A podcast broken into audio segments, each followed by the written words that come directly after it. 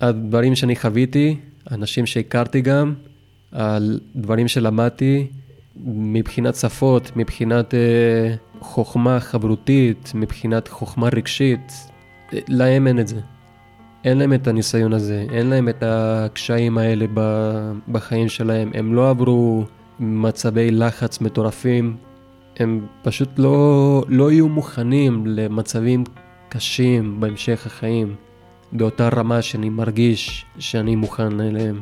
וגם הם בעצמם אומרים לי את זה. זה, זה לא שאני עכשיו מנסה לעוף על עצמי או משהו. בפרק הזה אני מראיין את יאיר מירקין. יאיר שירת כלוחם בפלס"ר גולני, והיום עובד בתחום הביטחון מעבר לים. יאיר החליט להגיע לארץ כנער לתוכנית נעל"ה, במהלכה למד את השפה ופגש את ישראל מזוויות שונות. לאחר תום התוכנית, החליט יאיר להתגייס לצה"ל ולשרת כלוחם ביחידה הכי קרבית שיצליח. בפרק ננסה להבין מה גורם לנער מקסיקני שחי חיי מותרות וגדל בבתי מלון להחליט לצאת מאזור הנוחות ולהגיע לארץ ישראל לשרת שירות משמעותי ומאתגר בצה"ל. יאיר יספר על הסיבות, על האתגרים שבדרך ועל מה שהוא מרגיש שהרוויח כיום מהמהלך. הישארו איתנו לפרק מעורר השראה.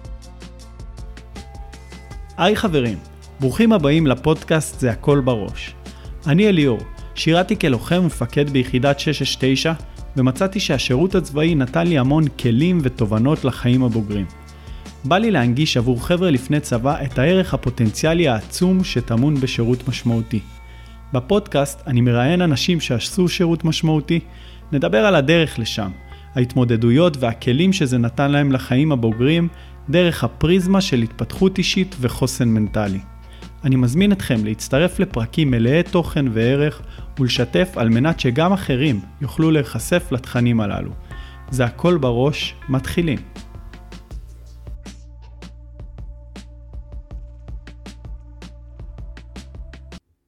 יאיר מירקין היקר, תודה רבה שמצאת את הזמן לשבת איתנו לראיון, מחכה לנו ראיון מדהים לפי דעתי, אז אה, המון תודה. בכיף, בכיף. אני, אתה יודע, חייבים לפנות אה, זמן בשביל דברים חשובים. זה, בשביל זה אנחנו פה גם. איזה כיף. אז אה, בוא תספר למאזינים שלנו, מי אתה, מה אתה עושה כיום ומה עשית בצבא. קוראים לי יאיר מירקין, אני בן 23, אני מקסיקני במקור. עליתי לארץ כשהייתי בן 15, הגעתי עם תוכנית נעל"ה, למדתי את התיכון. גם שם למדתי עברית, ואחרי זה כבר הלכתי להתגייס לצבא, כשהייתי בן, אה, בן 19. אה, אני ניסיתי כמה גיבושים, בסוף לא קיבלו אותי, בסוף התקבלתי לגולני, ואז שם עשיתי את אה, גיבוש האחתיות, וקיבלו אותי עם ידיים פתוחות לפלס"ר. וזהו, שאר, הסיפור זה כבר, זה כבר היסטוריה. היום אני כבר עובד בתחום אבטחה כרגע, מעבר לים, ושנה הבאה אני מתכנן להתחיל אה, לימודי ארכיטקטורה. מדהים. אה, טוב, אז יש לך סיפור ממש מעניין. אנחנו ננסה להבין מה גורם לנער מקסיקני להחליט שהוא רוצה להתגייס לצבא, להצטרף לתוכנית נעל"ה, לעלות למדינת ישראל, לעשות מסלול בצבא, מסלול מפרך מהקשים ביותר בפלס"ר גולני. ננסה להבין מה, מה הביא אותך לקבל את ההחלטות האלה, מה נתן לך את הכוחות. אה, אבל אני שנייה אשאל אותך, לפי דעתך, מההיכרות שלך ביחידה, כלוחם ביחידה, מה לדעתך מאפיין אה, או שונה בלוחם אה, בפלס"ר גולני מכל לוחם ביחידה אחרת בצה"ל? אה, דבר ראשון, השריטה העמוקה שיש לכל אה, לוחם ביחידה. זה משהו שתמיד רואים אותנו וישר יודעים שזה אנחנו.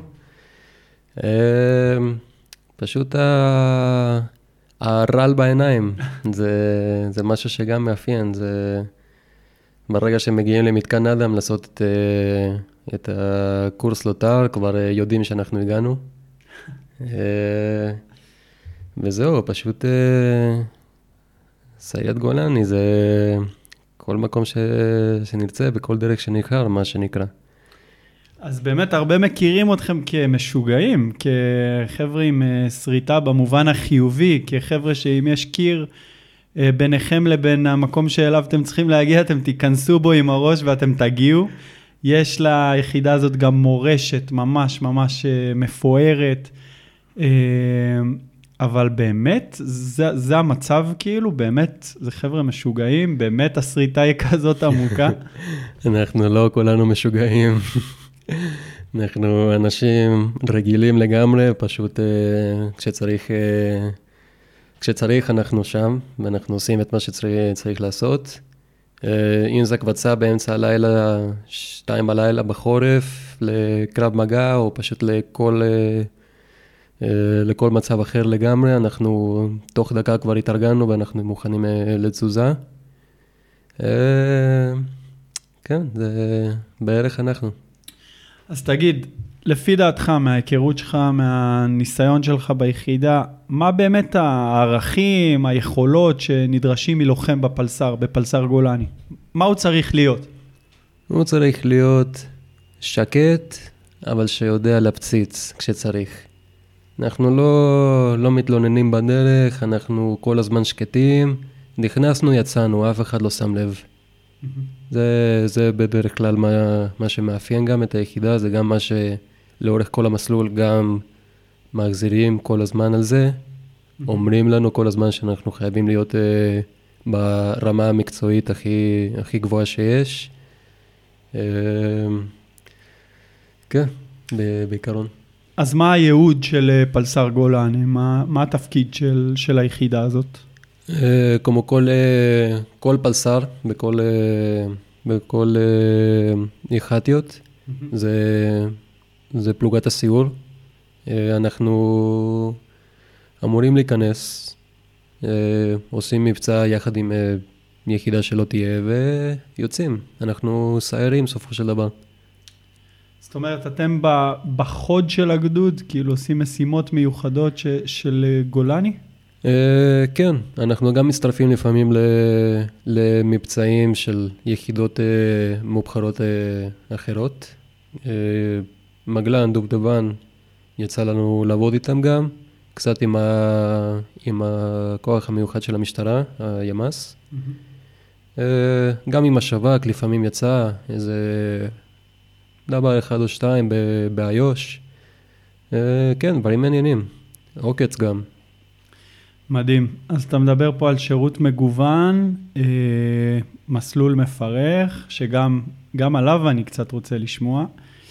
איך נראה, למרות שאני ממש מחזיק את עצמי לא לגלוש לשאלות של איך כנער אה, מקסיקני החלטת וזה, אני שנייה עוצר את עצמי כדי שנייה שיבינו בכלל מה זה פלסר גולני, שיהיה לנו מעין מבוא כזה למה שנדבר עליו אחר כך. אז uh, אני ממש מחזיק את עצמי, ואנחנו עדיין בשאלות הטכניות, במרכאות של להבין מה זה פלסר גולני, איך נראה מסלול. אז בוא תספר, נגיד, איך נראה מסלול של לוחם בסיירת גולני. אז uh, ככה, במחזור שלי, מרץ 17, המסלול עד, עדיין היה שנה וחודשיים. היום אני לא באמת יודע כמה זמן הוא, uh, אני כבר לא בקשר עם, uh, עם החבר'ה החדשים. Mm-hmm. אבל הוא מתחיל בבאח גולני, ארבעה חודשים. אחרי זה אנחנו קופצים לשדות, אנחנו עושים מה שנקרא מכין היחידה. אנחנו שם חודש ל... ל... לאורך כל הזמן הזה, רק בשטח, אנחנו לא יוצאים הביתה. אמ, וזהו, אחרי החודש הזה אנחנו כבר מגיעים למקום המפורסם בשם שטח 100. שגם יש את המשפט הממש מפורסם, שזה הרמטכ"ל לא יודע, אלוהים לא שומע, ברוכים הבאים לשטח 100, זה, זה משפט ממש מוכר וזה באמת עומד על כל מילה ומילה, המקום הזה. אה, אחרי זה, כבר ממה שנשאר, כבר עברו חמישה חודשים, אז אה, בחודשיים, שלושה ראשונים של להגיע לשטח 100 זה באמת, סליחה על המילה, לקרוע את התחת של כולם. אה, פיזית, מנטלית, בכל שעה אתה, אתה על הרגליים, יש לך איזה... ככה זה היה לפחות במסלול, עכשיו אני לא יודע, אבל שעתיים שינה בלילה, ואז פתאום הקפצה ל... לכבוש איזה גיבה או משהו. ואז אתה חוזר לישון, ואז שוב פעם מקפיצים אותך אחרי כמה זמן. ואז אה, מתחילים הקורסים, אה, עושים קורס לוטר, שזה בערך אה, שלושה שבועות, ואז אחרי זה קופצים לעשות אה, קורס לט"ק, אה, לוחמה תת-קרקעית. אה, ולפעמים, אה, לפני הקורס לוטר, אנחנו עושים מכין לוטר, שזה עוד בשטח 100, אנחנו עושים שבוע mm-hmm. של, uh, של אימונים מטורפים, ואז מגיעים למתקן אדם לקורס לוטר. Mm-hmm. ואז אחרי זה לוקחים uh, חזרה לשטח 100, uh, מסביבות איזה uh, חודש, חודש וחצי, ואז uh, חוזרים למתקן אדם לעשות uh, קורס לטק, ואז אחרי זה, אני לא יודע אם כבר עושים את זה ככה, אנחנו, חוז... אנחנו הולכים ל-B/17 לעשות קורס מוס. מודיעין, וס... מודיעין בסיור או סיווג. זה משהו כזה, אני כבר לא זוכר את השמות. אוקיי. Uh, וזהו, אחרי זה הם uh, חוזרים, אנחנו עושים uh, שבועות ניווטים בין לבין כל הזמן, חוזרים לעוד ניווטים, עד שמגיעים לרמה שאנחנו עושים ניווט בדד. זה, זה עולה כל פעם, אנחנו מתחילים משלושה קילומטרים עם קבוצה של ארבעה אנשים, ואז אנחנו קופצים לעשרה קילומטרים, ואז עשרים, ואז כבר ב-25 משהו, זה כבר קופץ להיות רק עם עוד בן אדם. אז במקום ארבעה זה רק שניים. Mm-hmm. אחרי שכבר עוברים את הקו של ה-50 קילומטר, כל אחד, אז uh, כבר עושים uh, בדד, משהו כזה, אם, אם זכו לי נכון גם. Uh, וזהו, אחרי את כל התקופה הזאת, כבר החודשים האחרונים זה של המסכמים. אה, מסיימים את זה, וזהו, התקבלנו, התקבלנו ליחידה. אז אתה מדבר פה על מסלול מאתגר פיזי, מאתגר אה, מנטלי ובנוי הדרגתית, זאת אומרת מתחילים, אה, מתחילים מדרגה אחרי מדרגה פיזית, מנטלית ומתקדמים עד שבעצם נבנים להיות לוחמים, לוחמים קשוחים, יש להגיד? כן, השלבים בטירונות בעוד, אה, כל עוד זה בב"ח, זה, זה כמו לכל, לכל חייל רגיל, זה, זה, לא, זה לא משנה יותר מדי, אבל כבר אחרי שמגיעים למכין, ואתה כבר בשטח ואתה יודע שאתה הולך להיות תקוע שם חודש לגמרי, זה כבר עושה לך שינוי משמעותי בראש. אה, אתה צריך אה, להיות חזק לזה. אז דיברת על המסלול, דיברת על, גם על הלוחמה, איך נראה הלוחמה, תיארת את השיתופי פעולה שהיחידה עושה עם יחידות אחרות. עכשיו אני חוזר אחורה ל... למירקין של, בוא נגיד, אה, גיל 14, 15. איך, איך מתחיל להתבשל בכלל הרעיון הזה, אם הוא מתחיל להתבשל, של לעשות עלייה לישראל, להגיע לצבא, ואנחנו אחרי זה גם ננסה להבין למה, שזו שאלה מאוד מאוד, במקרה שלך, מאוד מאוד uh, חשובה. אני אשמח שתספר ככה על התקופה שלך כנער. אז uh, אני גדלתי במקסיקו, uh, בעיר בשם מונטריי, שזה הצפון. אחרי זה אימא שלי הייתה גרושה, והתחתנה שוב כשאני הייתי בן חמש בערך. Mm-hmm. אימא שלי היא גם עשתה שירות בארץ בזמנה, כשהייתה בת 18. אוקיי. Okay. אה, וזה משהו שתמיד ידעתי, אבל לא ידעתי גם בדיוק מה היא עשתה, מתי היא עשתה את זה, מה... אה, איך כל הדבר הזה הלך, וגם היא ניסתה ללמד אותנו עברית מתישהו בבית. אני זוכר את ה... התקופות האלו ממש, ממש מאחורי הראש, אה, אבל אני גם זוכר שלא הצליח לה. אה, וזהו, אז את, ה... את השם צה"ל היה לי מאז שהייתי קטן, אבל אף פעם לא חשבתי שאני באמת אגיע לזה. אה, ואז בגלל שכל הזמן היינו עוברים ממקום למקום, בין עיר לעיר במקסיקו, הגעתי למקום בשם פוארטו פניאסקו, שזה גם הצפון של מקסיקו, גרתי שם. ושם הכרתי בחור בשם גוסטבו, שהוא אה, הוא היה, הוא היה גם כמוני, הייתי, אני הייתי שמנמן, הוא היה שמנמן, ואז לאט לאט, בגיל 12-13 כזה, התחלנו ביחד להתאמן, כל אחד בבית שלו, אז אה, ראינו התקדמות במצב הפיזי שלנו, כבר, אה, וגם תכלס ב, ברגשי ובכל הביטחון עצמית, כן. אה, ואז הוא בסוף החליט ללכת ל... אה, לפנימייה צבאית בארצות הברית, כי גם יש לו אזרחות, אז הוא יכל. אוקיי. אה, ואני גם החלטתי אחרי זה לעקוב אחריו, אבל בסוף לא הצליח לי, כי זה פשוט היה טירוף לשלם 17 אלף דולר לשנה, זה לא היה שווה את זה. אז אימא שלי, היא אמרה לי, שמע, אם אתה כל כך רוצה לעזוב את הבית, הייתי בן, אה, בן 13 כבר, אם אתה רוצה לעזוב את הבית, למה שלא תלך לארץ? תמצא לך איזה תוכנית שאתה יכול להגיע, ותעשה שם את הלימודים שלך. ואז בסוף, אתה גם רוצה את, ה, את החוויה של הצבא, אז תתגייס גם בסוף. אם כבר שם, אז, אה, אז כבר. וזהו, בדיוק מה שקרה עם נעל"ה. וואו, אז אתה מתאר פה משהו אה, מאוד מעניין. דרך המקום הזה שגילית את הכוחות שלך, בעצם הפכת מנער אה, שמנמן לבחור בכושר, רצית לקחת את זה צעד אחד קדימה בהיבט המקצועי נקרא לזה, אה, וחיפשת מקום שייתן לך עוד כלים ו- ויקח אותך הלאה מה שנקרא. דרך זה הגיע לך רעיון, ואני רוצה לשאול, הרעיון נגיד של, של ישראל, ה, בוא, בוא נגיד האקטואליה, אה, להבין בכלל מה זה, מה עושה הצבא עכשיו, ואיך נראה, זה, זה דברים שידעת? דברים שדמיינת בכלל? אה, לא, אני אף פעם לא חשבתי, לא דמיינתי שדבר כזה יקרה לי בחיים, אף פעם לא היה לי את הרעיון הזה אפילו, רק ברגע הזה שהכרתי את הבחור הזה, כבר נתן לי את הרעיון של אני, אני רוצה את, ה, אה, את המשמעות הזאת, את ה...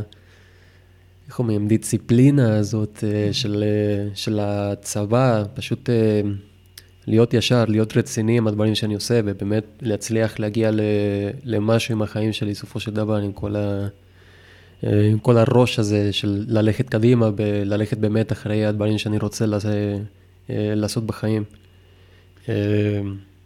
משהו שגם אה, היה צריך אה, לציין, אני הייתי גר בבתי מלון, מאז שהייתי בן, אה, בן חמש, עד גיל אה, 15 באמת, שעזבתי את הבית. אז אתה יודע, בתקופה הזאת הייתי מקבל הכל בחינם. הייתי גר במלון גם, הייתי יורד למסעדה, אני אוכל מה שבא לי, עושה חתימה, זהו, כאילו שילמתי. לא צריך מעבר לזה.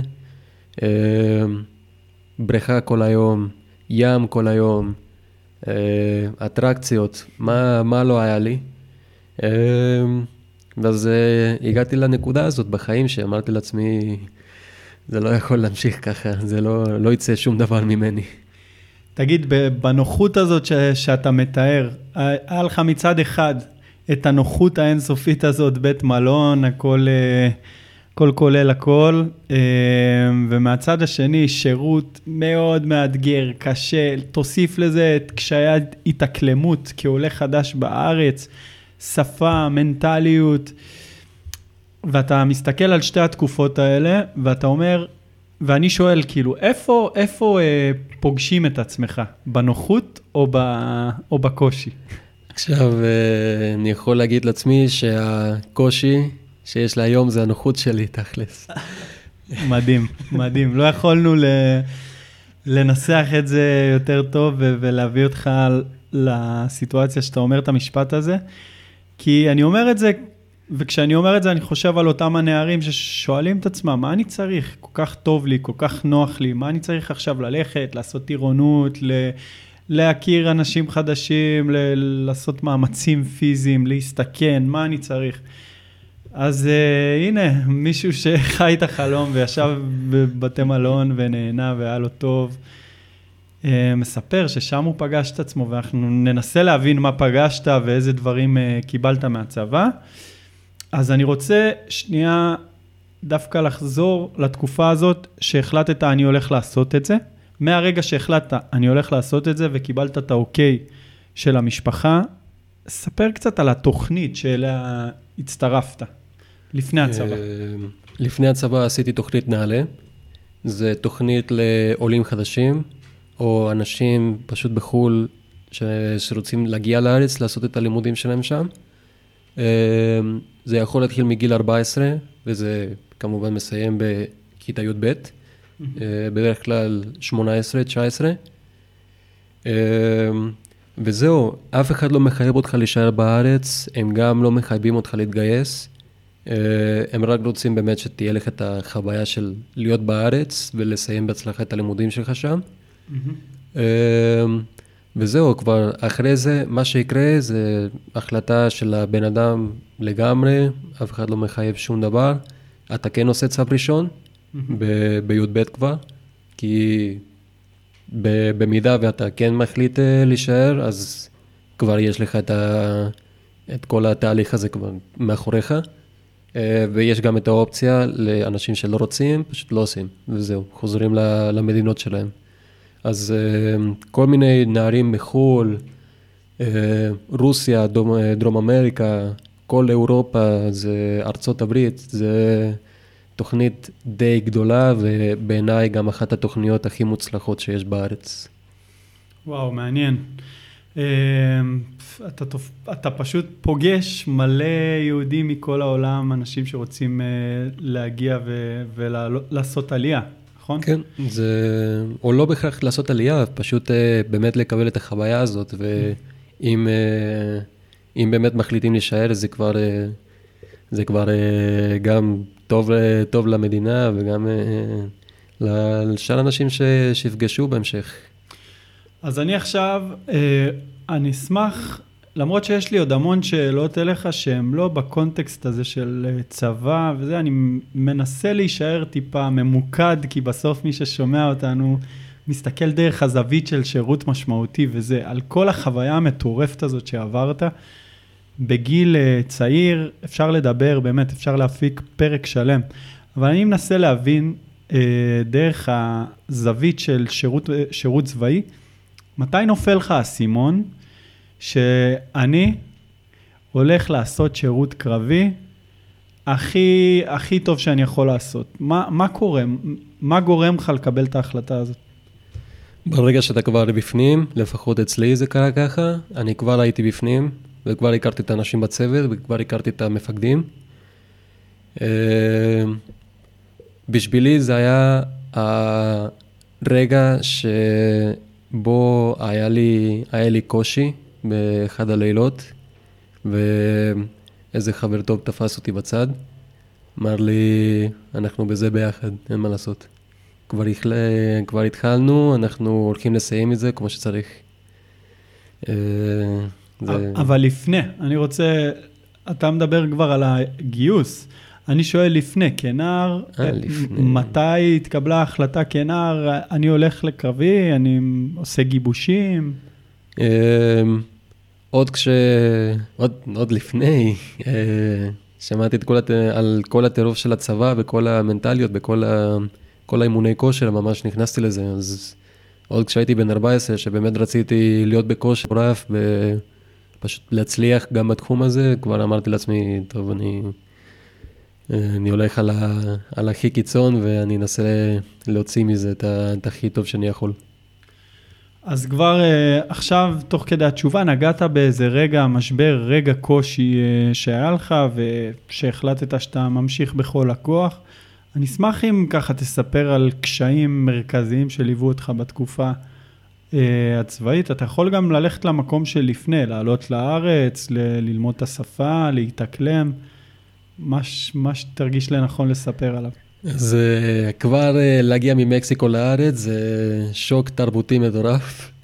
אה, אז להתגייס זה עוד בכלל, עוד, עוד שוק תרבותי, כי אתה באמת נחשף ל, לכל דבר, כל מה שיש בארץ, אתה תפגש בצבא.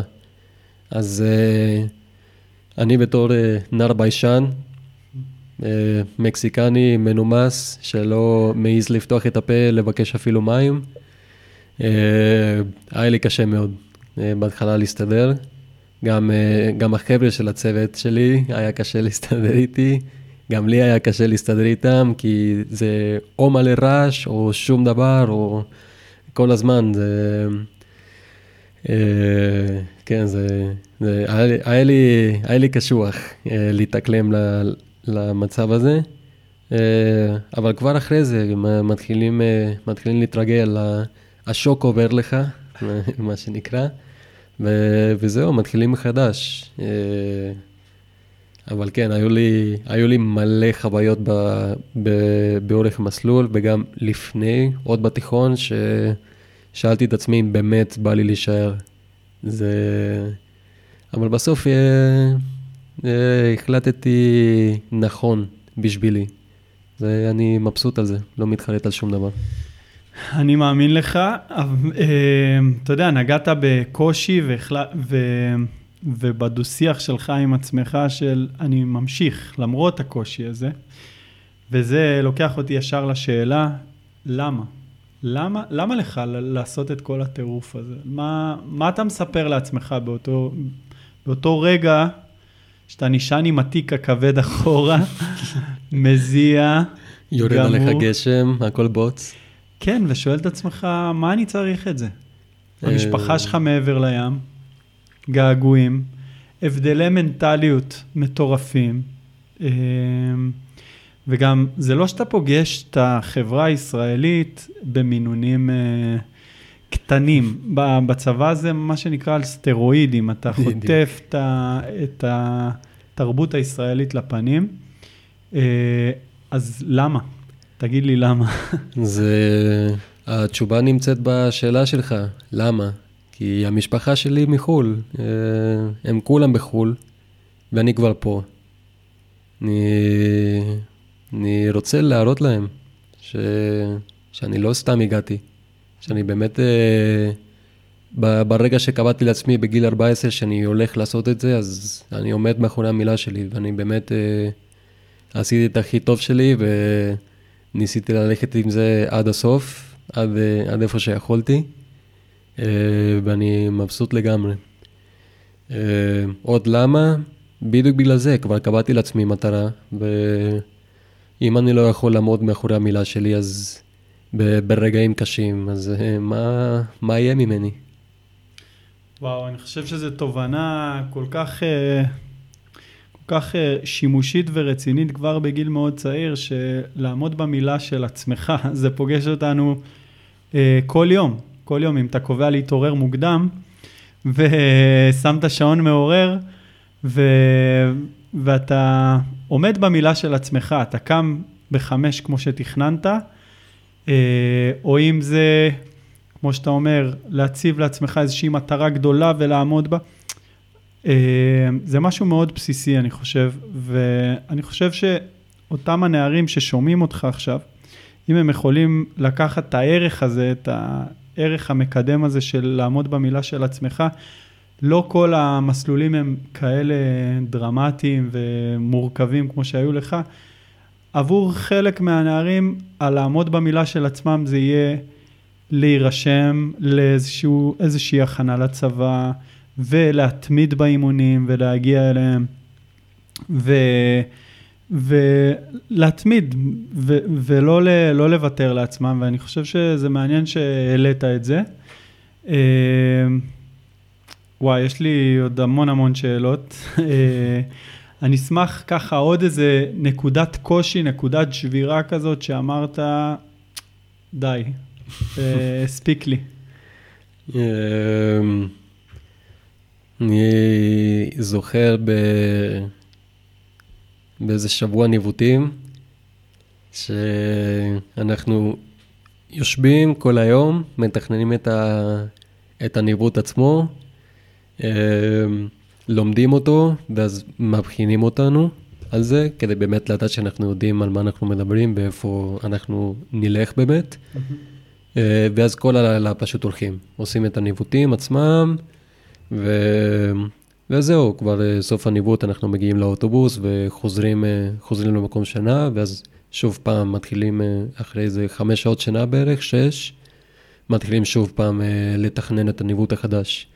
אז uh, זה בדרך כלל שבוע שלם, ואני ידעתי שיש לי טיסה בדיוק למקסיקו, כי היה לאח שלי בר מצווה, אז רציתי להגיע, היו לי רק חמישה ימים להיות במקסיקו.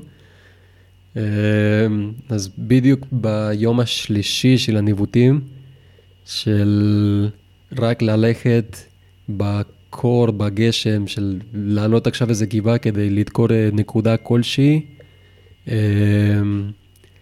אני זוכר לעצמי שהפק"ל שלי היה כבד מדי, הייתי נגביסט, וגם היה לי כבר כל התחמושת בפנים, כל, ה, כל המשקל על, ה, על, ה, על הגב.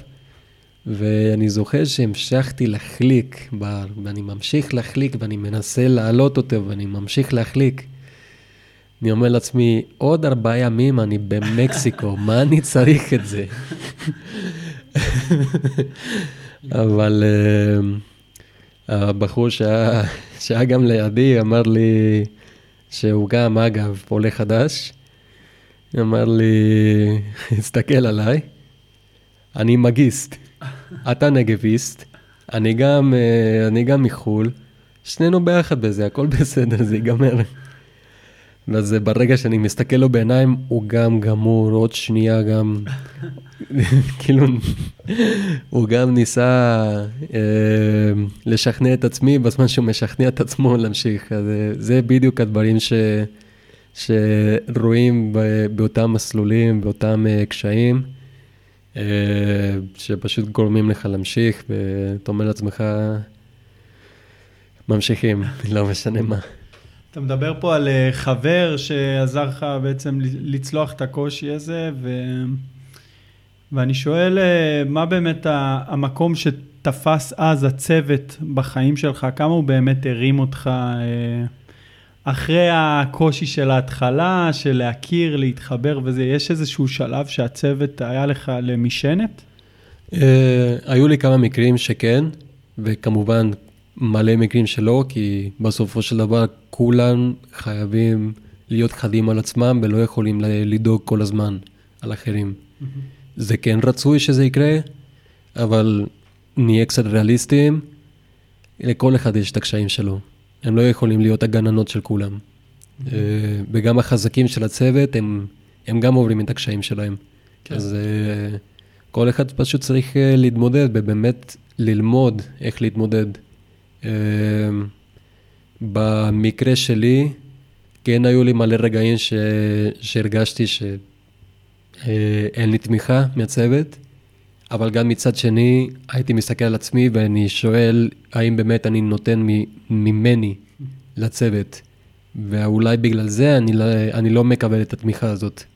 כי כן הייתי מסתכל בצד ורואה את החבר'ה שכן נהנים וכן עושים צחוקים וכן... אה, וכן אה, עוזרים אחד את השני. Mm-hmm.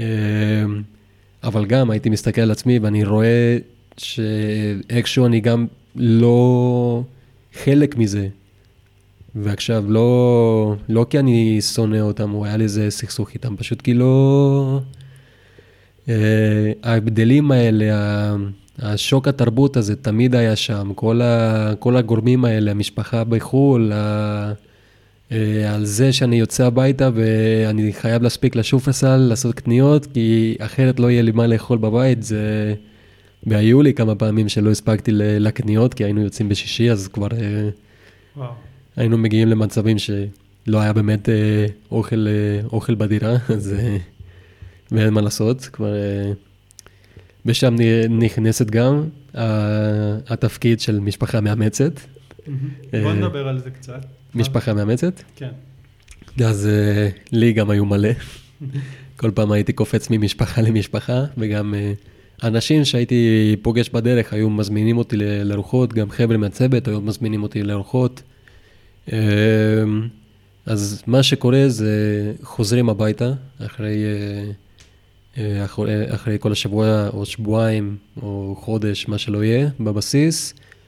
אה, יש את הסופה שזה, מגיעים ישר הביתה, עושים מקלחת, המשפחה המאמצת כבר אה, הזמינה לארוחת שישי, אז, אה, אז מגיעים פשוט אליהם, או שהם אוספים אותך. עושים ביחד איתם, עם הילדים, אם גם יש להם. עושים, עושים קצת כיף, שמח, ואז בסוף הארוחה, או שחוזרים הביתה, או שמפנים איפה, איזשהו חדר כזה, ש... כדי שתוכל לישון שם. זה נתן לך כוחות לשירות הצבאי שלך? אתה מרגיש? כן, כן. זה, זה, זה נותן, ויש לי מלא משפחות מאמצות שעד היום אני לפעמים בקשר איתם גם. אחלה נשים, ממש עזרו לי. מדהים. אה, טוב, אז אני עכשיו, אה, בוא ננסה להסתכל על השירות הצבאי שלך ועל מה שקיבלת בו, אה, מה שקיבלת ממנו, בהשוואה לחבר'ה שלך ממקסיקו. בוא, בוא ננסה להבין שנייה. זה קטע, אותו מירקין, שבאותה צומת לא היה מחליט ללכת אה, לצה"ל, להתגייס ולעבור את המסלול המפרך ואת השירות הזה ולהכיר את האנשים וכל המסע הזה שעברת, מה, מה הוא היה מפספס? מה, כשאתה מסתכל על החבר'ה שלך היום ששם, מה אתה רואה בהשוואה למה שנהיה ממך היום כתוצאה מהצבא? אולי בין הדברים היחידים שאני אומר לעצמי, איזה באסה, זה שרוב החיים שלי במקסיקו כבר אחרי תואר או תואר שני אפילו, או אחרי, אחרי כמעט קרובים לסיים אה, לימודי רפואה. Mm-hmm. אז אה, זה הדבר היחיד שסוג של באסה, אבל לא באמת, כי אני מסתכל על היכולות שלהם, ואני מסתכל על היכולות שלי, ואני אומר, הייתי לוקח את הדרך שלי אלף פעם. הרבה, הרבה יותר. זה הרבה יותר טוב, הרבה יותר אה, מבגר מכל אוניברסיטה בעולם. אה, בדיוק אתמול גם יצא לי לדבר, לדבר עם אה, חבר טוב מספרד שגם הכרתי בנעל"ה, שהוא בסוף החליט לחזור הביתה. הוא אמר לי, תקשיב, אתה, בעיניי אתה עשית נכון. אתה לקחת את הזמן, אמרת, אין, אנחנו לא ממהרים לשום מקום, אני אלך להתגייס, אני אמשיך, אני אעשה קצת כושר, אני אתן, אתן מעצמי למדינה, ואז, ואז אני אלך אה, לעבוד במשהו, ואז אני אלמד. אנחנו לא, צריך, אה, לא צריכים למהר לשום, לשום מקום. בניגוד אליו, לפי מה שהוא מסביר לי, הוא אמר לי, אני מיהרתי, אני סיימתי את התואר שלי, אני כבר בתואר שני, כבר סיימתי אותו בדיוק לפני, מה זה, חודש אולי. ואני מחפש פה עבודה ואני לא מוצא, כי הם כל הזמן מחפשים אנשים שמדברים יותר משלוש שפות, עם שלוש שנים של, אה, של ניסיון, ככה וככה, דברים לא ריאליסטיים לנער שהרגע סיים את הלימודים. אז uh, הוא, הוא אומר לי, הייתי רוצה לה, לקחת את ההחלטה הזאת של להתגייס, ובאמת לקחת את הזמן שלי.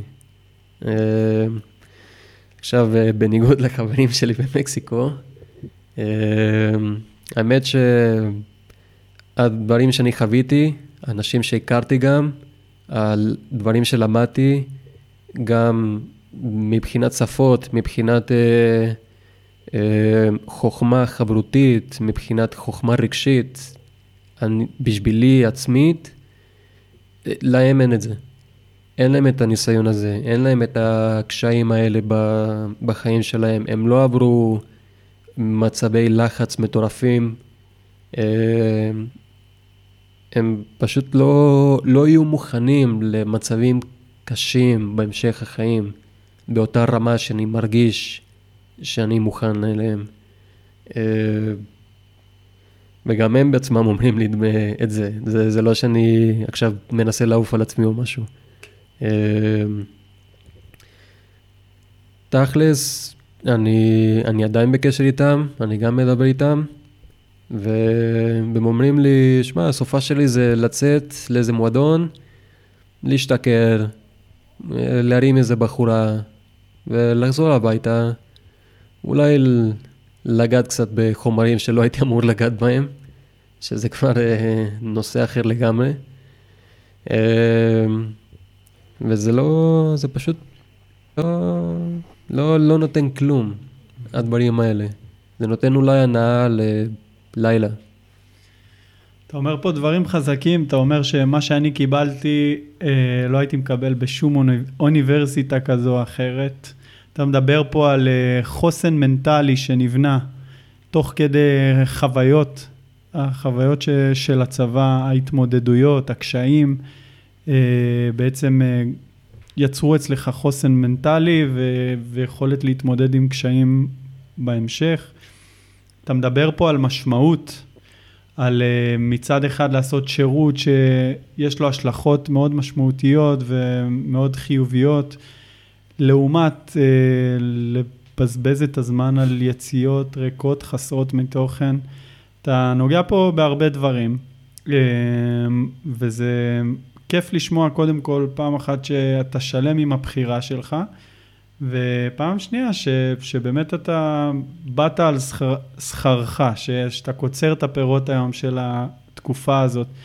כי אה, אני, אני משוכנע שה, שהשירות הצבאי הוא מביא ערך, שירות צבאי משמעותי, מביא ערך אה, מסוים לעולם שהוא שונה. כמו שאמרת, הוא, הוא למד את התואר הראשון, הוא למד את התואר השני, בסדר, אבל יש פה נגיד אה, בן אדם שמסיים שירות ביחידה מובחרת, אז אמנם אי אפשר לכמת את ההישגים שלו בציונים או במשהו, אבל גם הערך שלו יכול לבוא לשוק העבודה.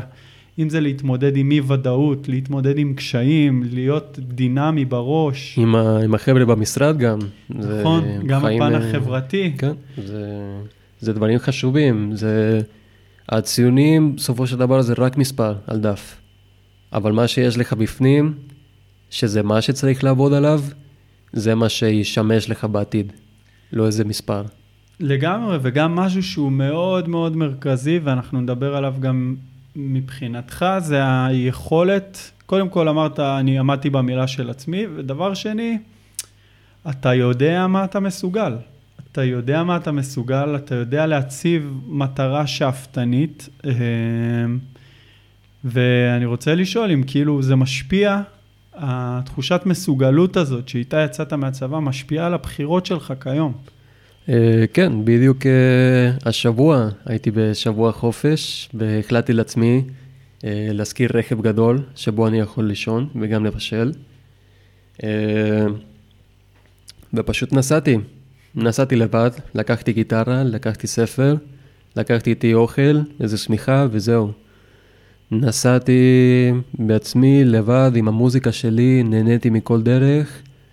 הייתי חונה את הרכב, אני אומר, אני רוצה לעלות את ההר הזה, באלפים. עליתי את ההר הזה.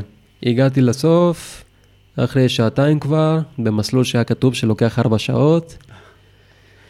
אני נהנה... פלסר גולני. פלסר גולני. אנחנו טורפים את הדרך. אנחנו ארבע על ארבע עם הרגליים. אה, אני נהנה מהנוף. אני גם מתקשר למשפחה, שיחת וידאו, להראות להם איפה אני בדיוק. יום למחרת, אני נוסע למקום אחר.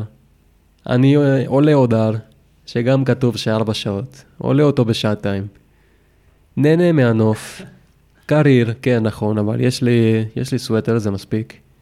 יורד את ההר, נהנה ממנו, יורד על הגשם, לא משנה. טבע זה טבע, אני נהנה מזה. שדברים שלא הייתי לומד להעריך אותם. אם לא הייתי בצבא. Uh, כמו מה? Uh, גשם. באמת להרגיש את הגשם בחוץ, את ההרגשה של אני בחוץ, אני לבד ואני בסדר עם זה. אני מסתדר לבד, אני באמת יודע להסתדר לבד. מה יותר כיף מזה? זה עצמאות. באמת, באמת לדעת שאני מסוגל, כל, כל דבר שאני באמת שם לפניי, זה באמת קטן. זה באמת קטן עליי. מדהים, אני חושב שזה דבר כל כך יקר שאתה יוצא איתו, וזה משותף להרבה חבר'ה שסיימו מסלול מפרך ושירות משמעותי, שבאמת התחושה הזאת שהם מסוגלים, מסוגלים להכל, בטח גם חלפה לך המחשבה בראש, מה כבר יכול להיות? מה, אז אני אשן בשטח? ישנתי בשטח. אז אני אצטרך לנווט לאיזה עיירה קרובה, כי נגמר לי האוכל, אני אנווט לעיירה קרובה. מה כבר יכול להיות שלא חוויתי, נכון? זה כאילו בדיוק. משהו כזה... מה, מה הבעיה? אני כבר פה. ואתה יודע, אנחנו לא נהיים יותר צעירים כל יום, אז uh, צריך uh, לחוות חוויות. לגמרי. והחוויות, בסוף החוויות זה מה שבונה אותך, לא לראות מישהו אחר חווה את החוויה דרך היוטיוב, דרך המסך. להיות שם, לצאת, הדור, הדור של היום הוא דור מאוד חכם ומאוד, אה, אה, הוא חשוף לכל כך הרבה מידע ובאמת, יש, יש ערכים מוספים של התקופה הזאת שהם ממש ממש אה, משמעותיים, אבל העניין הזה של לצאת ולחוות, לצאת מהבית, לצאת, אה, לעזוב שנייה את הטלפון, להיות בטבע, להיות אה, עם אנשים, לא דרך מסכים, זה משהו שבאמת צריך להתמקד בו. כי יש דברים שאתה מקבל רק מהחוויה. נכון. יש, אה, יש דברים שאבא שלי תמיד אמר לי, אל תיתן לאף אחד לספר לך, אם אתה רוצה לדעת על משהו. תעשה את זה בעצמך פשוט. אל, אה, אל תקבל רושם מאף אחד, ואל תבנה לעצמך רעיונות. תעשה את זה בעצמך, תראה איך אתה מסתדר עם זה, תראה איך אתה מסתכל על זה גם. תראה מה אתה מקבל מזה, מה אתה לומד מזה. אה, ברור שהייתי יכול אה, להסתכל במסך איך, איך עולים הר, איך עושים את זה, או, מה, או איפה בדיוק לטייל, או מה לעשות, איזה ציוד להביא. אבל וואלה, לא, הייתי ספונטני, ופשוט עליתי על רכב, נסעתי. אה, אין שום בעיה עם זה, גם תכלס, אם לא הייתי עולה הר כל יום, גם אין שום בעיה עם זה. לא צריך לקחת את הדברים ל... לקיצוניות, או להגיד עכשיו אני מטורף, אני, אני הולך לסחוט את כל האגם הזה כן. ארבע פעמים. לא, זה לקחת את, ה... את הדרגה בכל דבר, לא... ברור, לשים מטרות אה, גדולות, אבל אה, לא עכשיו אה, לעשות מטרה שאתה באמת יודע שאולי אתה כן מסוגל, אבל לא לסיים את זה. אה, אני רציתי לשאול אותך, אה, אם יש לך אופציה לחזור עכשיו למירקין בן ה-16-15 ולהגיד לו, לדבר איתו, מה היית אומר לו? עם אותו ילד שלא יודע מה הוא עתיד לעבור. הייתי אומר לו... אה, לאותו ילד מקסיקני. הייתי אומר לו... אוי ואבוי. הייתי אומר לו, תתכונן. לא, סתם, הי- הייתי אומר לו, שמע, תתחיל לקחת... אה, אל, אל תיקח את עצמך יותר מדי ברצינות. תל, תלמד להעריך כל רגע, תחיה בהווה, אל תתכנן יותר מדי, כי בסופו של דבר תוכניות שאתה מתכנן, רוב הסיכויים של מלא דברים לא יקרו, וגם לא, לא, אשמת, לא, לא אשמתך גם, שלא יקרו. אה, אז תהיה ריאליסטי עם עצמך, תכוון, אה, תכוון גדול, תתחיל להתאמן כמו שצריך. אה, אבל כל מה שאתה אומר זה דברים שעשית. אתה דווקא כן עמדת במילה שלך אז, אה, לא? אפשר, אפשר להגיד שתמיד אפשר לחזור אחורה ולהגיד הייתי יכול יותר. תמיד, לא, לא משנה כמה, כמה גדול עשית או כמה זה עשית, תמיד יש את הספק הזה של יכולתי עוד. אז אה, הייתי אומר, אה, כן הייתי אומר לעצמי, תקפיד יותר על תזונה נכונה, תקפיד באמת על, על לימודים, על אימונים יעילים, אה, ובזמן הפנוי שלך תצא להכיר את הארץ. אה, נכון, אתה עייף, נכון, אתה בלימודים, נכון, אבל תצא, תכיר, תהנה, אה, דבר עם עוד חבר'ה, תנסה, תנסה להכיר אנשים טובים גם, לא, לא חסרים אנשים טובים בארץ. צא לאיזה מעיין, אז אתה אומר כבר, אה, אתה לוקח אותנו כבר לטיפים, מה הטיפים שהיית נותן לנער לפני צבא, ואני חושב שכאילו, זה טיפים מעולים. אה, תצא, תטייל, תכיר, ת- תציב לעצמך מטרות שאתה יכול לעמוד בהן. כן, תהיה, תהיה עם ראש פתוח. אה, לא, לא להביא ביקורת לפני, לפני באמת לחוות משהו. מסכים. אז אה, טוב, אחרי פרק כזה מעניין, שמראה שבאמת, אה, אם אתה יכולת לעשות את כל הדרך ממקסיקו, עם פערי המנטליות ועם הקושי הפיזי, ומילד שמנמן להיות לוחם קשוח בפלסר גולני, אה, כן, כן, ו...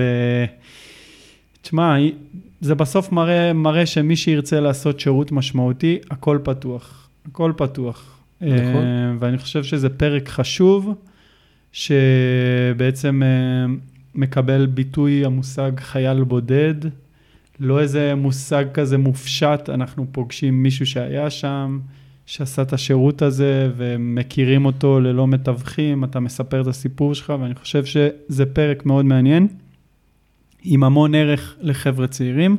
אז אני רוצה להגיד לך המון תודה.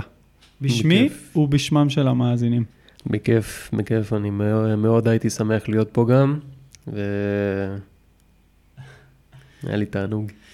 גם לי. אז תודה רבה לך, תודה רבה למאזינים, ואנחנו נפגשים בפרק הבא. ביי.